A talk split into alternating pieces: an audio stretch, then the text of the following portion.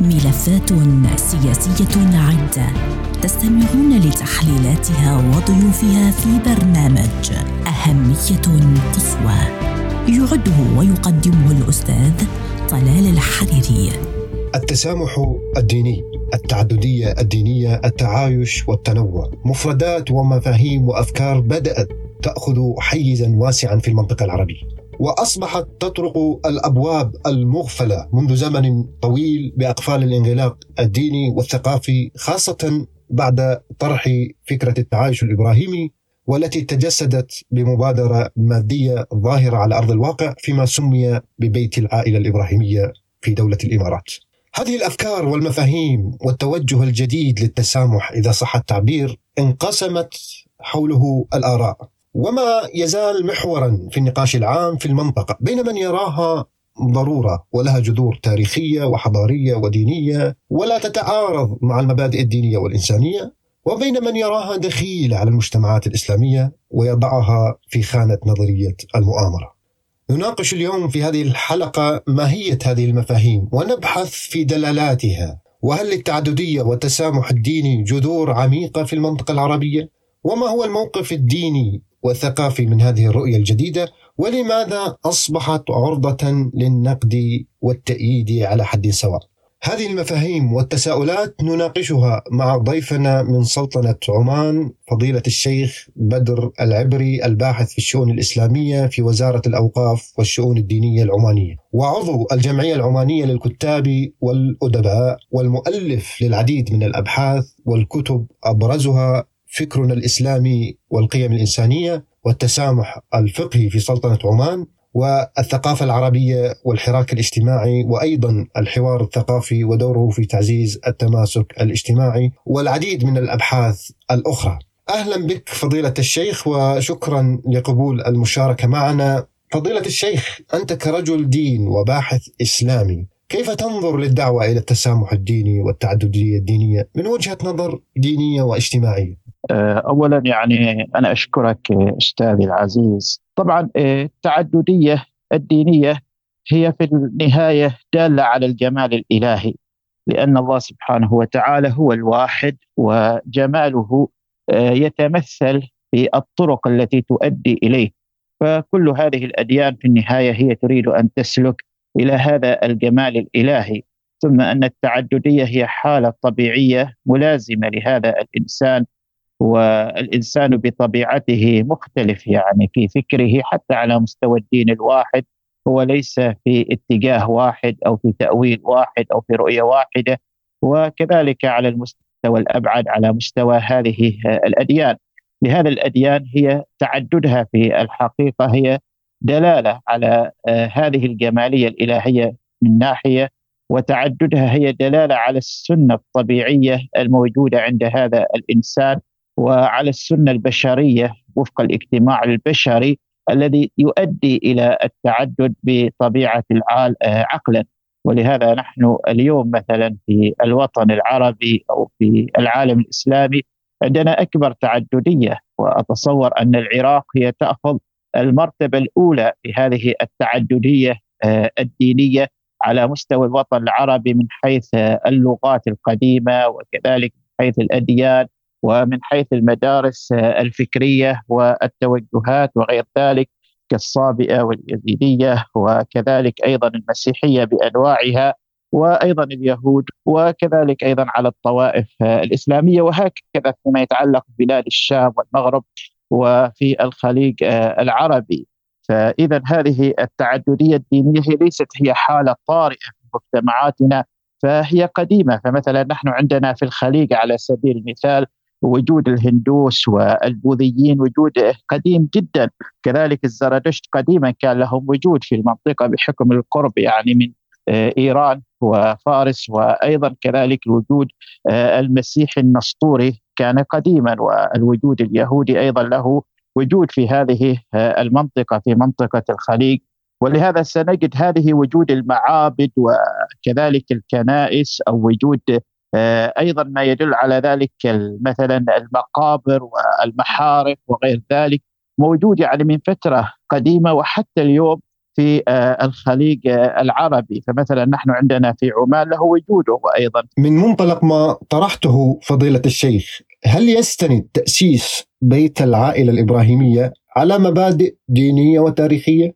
هل تصب هذه المبادرة في تعزيز التعايش في المنطقة من وجهة نظر موضوعية؟ فيما يتعلق بالبيت الإبراهيمي أو الجانب الإبراهيمي لعل البعض يعني يأخذ آه، صورة اللي هي صورة ما يسمى آه، بكلمة إبراهيم أو آه، بما يتعلق بالنسبة إلى البيت أو الجانب الإبراهيمي. وهذا طبعا لا مشاحة له أو لا مشاحة في الاصطلاح. فنحن لما نتحدث عن الجانب الإبراهيمي أي نحن نتحدث عن التسلسل الوارد إلى هذه الأديان التي تعطي صورة رمزية وكبيرة للنبي إبراهيم ابتداء من آه، الديانة آه، اليهودية وأيضا كذلك فيما يتعلق بالمسيحية وطوائفها وأيضا ما يتعلق بالإسلام بجانب الصابئة. فهذه كلها المدارس يعني تعطي صورة رمزية للنبي آه، إبراهيم عليه السلام. فهذا الجانب هو في الجانب في الحقيقة تاريخي. ولم يأتي أحد ويقول على أنه لا بد أن نصنع في ديانة واحدة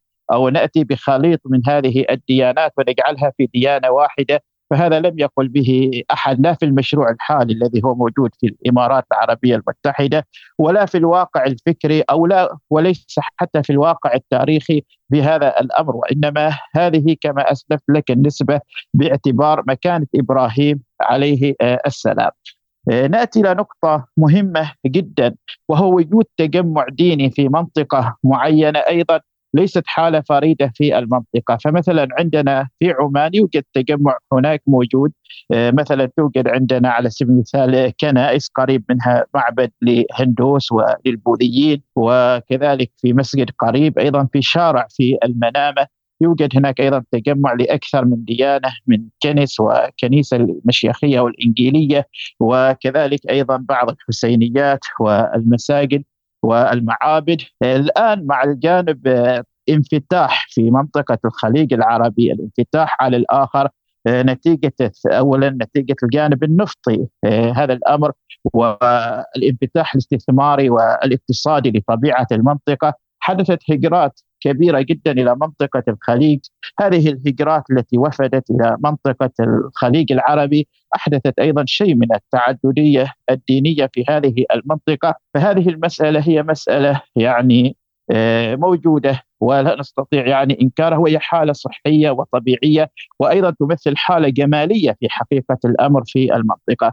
لهذا المشروع الذي حدث في دولة الإمارات العربية المتحدة يعني هو ربط بالجانب السياسي وربط بجوانب أخرى وأنا طبعا لا يهمني الجوانب السياسية وإنما يهمني هو الإنسان. ولهذا ذهبت بنفسي إلى هذا المعلم وبطبيعة الحال زرته بنفسي ورأيته وكتبت عنه أيضا في هذا الوقت.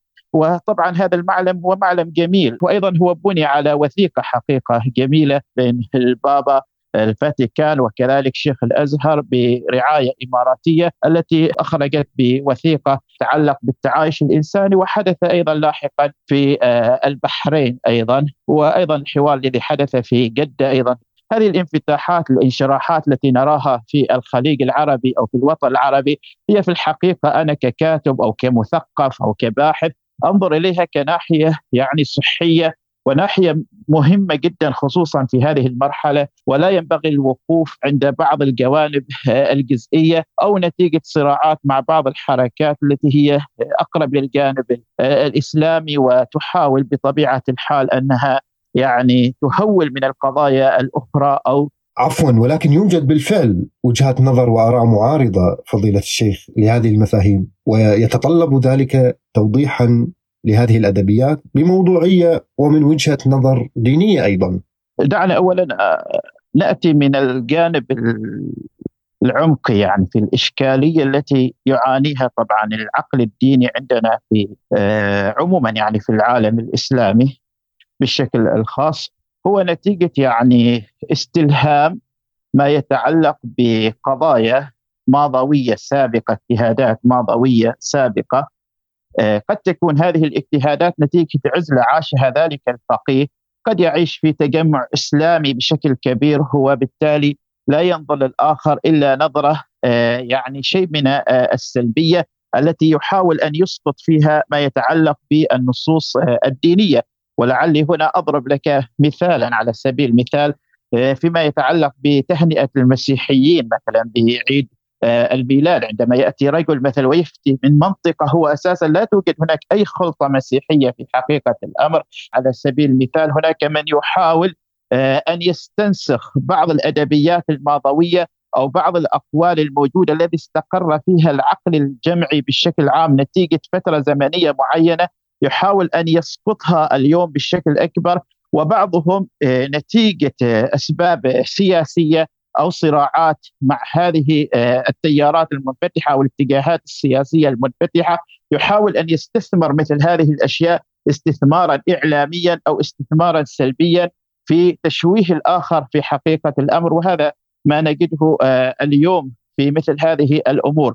طبعا هذه الجوانب التي نراها الآن من التعددية الدينية أو بعض الجوانب التي تقول كبيت العائلة أو غيرها ينبغي يعني أيضا أن ننظر إليها إذا كانت هذه تخدم هذا الإنسان وتخدم المجتمع الإنساني فينبغي التعامل معها بإيجابية، طبعا هناك اجتهادات سلبية وهناك نصوص في الحقيقة ظرفية ليست مطلقة، للأسف هذه الاجتهادات السلبية التي لا تقرأ في زمنها ونحاول أن نسقطها على زماننا اليوم أو الاجتهادات الظرفية التي نحاول أن نجعلها من جانبها أن نحولها من جانب الظرفي إلى الجانب الإطلاقي هذا الذي هو يحدث خلل حقيقه في التفكير آه، الجمعي ويزداد الخطر عندما يستثمر سياسيا أو اعلاميا بالشكل السلبي كما في بعض الجماعات المتطرفة. فضيلة الشيخ فكرة التسامح والتعددية الدينية تصطدم بأفكار ومواقف أكثر تشددا ما هي سبل مواجهة هذه الإشكالية اليوم؟ وهل سيبقى التسامح والتعايش شعارات داخل أسوار النخب؟ بلا شك إن الكلمة أو أن الفعل الانسان ولو كان فضاؤه بسيط هذا له تأثيره. وأنت تعلم نحن مررنا أو مرت المنطقة آه، بمرحلة عصيبة وهي مرحلة آه، الصحوة. وهذه المرحلة هي ليست كانت مرحلة يعني نفره مع آه، غير المسلم بين المسلمين أنفسهم. هنا شاعت الطائفية بالشكل الكبير وهذه رأيناها سابقا نتيجة الكاسية ثم رأيناها نتيجة الفضائيات وكانت عمليات يعني هناك آه، صراع طائفي واضح في هذه المرحلة. وأيضا كانت في إشراقات وكتابات نقدية آه، من العديد من الباحثين آه، الإسلاميين مثلا أبو القاسم حاج حمد حرور مثلا وعندك على سبيل المثال أركون وكذلك طه عبد الرحمن وغيرهم كثير الذين آه، حفروا حقيقة في التراث. اليوم نحن نجد هذه الأدبيات على المرحلة التي عاشها أمثال هؤلاء لكن نجد اليوم يعني آثارها والحمد لله في العقل الجمعي هي أفضل بكثير من السابق بالشكل وربما أنا أرى أن مثل هذه أثرت أيضا في الجانب السياسي أن يصبح عندنا توجه سياسي واضح خصوصا آه، في بعض الجوانب سنجد بعض التوجهات السياسية التي أصبحت آه، تدافع عن هذه القضية وأصبحت لا ينظر إليها بتلك الحساسية. فينبغي آه، أن نعطي شيء في الحقيقة أنا في نظري نعطي شيء من آه، التفاؤل. وأنا أتفق معك بموضوعية آه، فيما يتعلق بجوانب هي ما يتعلق بجوانب التسامح أو جوانب التعايش أو جوانب التعددية. أحيانا هي آه، تقترب من الجانب الفضفاض أو من الجانب أشبه بالرومانسي أو بالشعارات. ولكن أيضا في المقابل طرح مثل هذه القضايا وحضورها فكريا أو حتى على مستوى الشكل العام هي حالة في حقيقة الأمر صحية. ولكن المهم الذي أنظره اليوم أنا في التعددية كيف نستطيع أن ننتقل فقط من قضايا هذه المصطلحات إلى قضايا الإنسان نفسه، اليوم نحن ينبغي أن نتحدث عن الإنسان كفرد، عن حرياته، عن أفكاره، آه، عن آه، رؤيته، كذلك عن احترام ما يعني ميولاته وما يتمثل في هذا الإنسان، نحن بحاجة أن آه، أيضا تكون هناك علاجات في الحقيقة جذرية فيما يتعلق بالتعامل مع النصوص المقدسة أيضا وما يتعلق أيضا مع الاجتهادات التاريخية وقراءتها في زمانها وعدم إسقاطها في زماننا اليوم وأن ندور وفق القيم التي هي ترتبط بهذا الإنسان وماهيته وقيمه الكبرى وليس فقط أن نقتصر عند الشعارات العامة فيما يتعلق بالتسامح أو التعايش أو آه، التعددية. فضيلة الشيخ بدر العبري الباحث في الشؤون الإسلامية في وزارة الأوقاف والشؤون الدينية العمانية وعضو الجمعية العمانية للكتاب والأدباء شكرا جزيلا لك على هذه المداخلة وإلى اللقاء مستمعينا الأكارم كان معكم الأستاذ طلال الحريري وبرنامج أهمية قصوى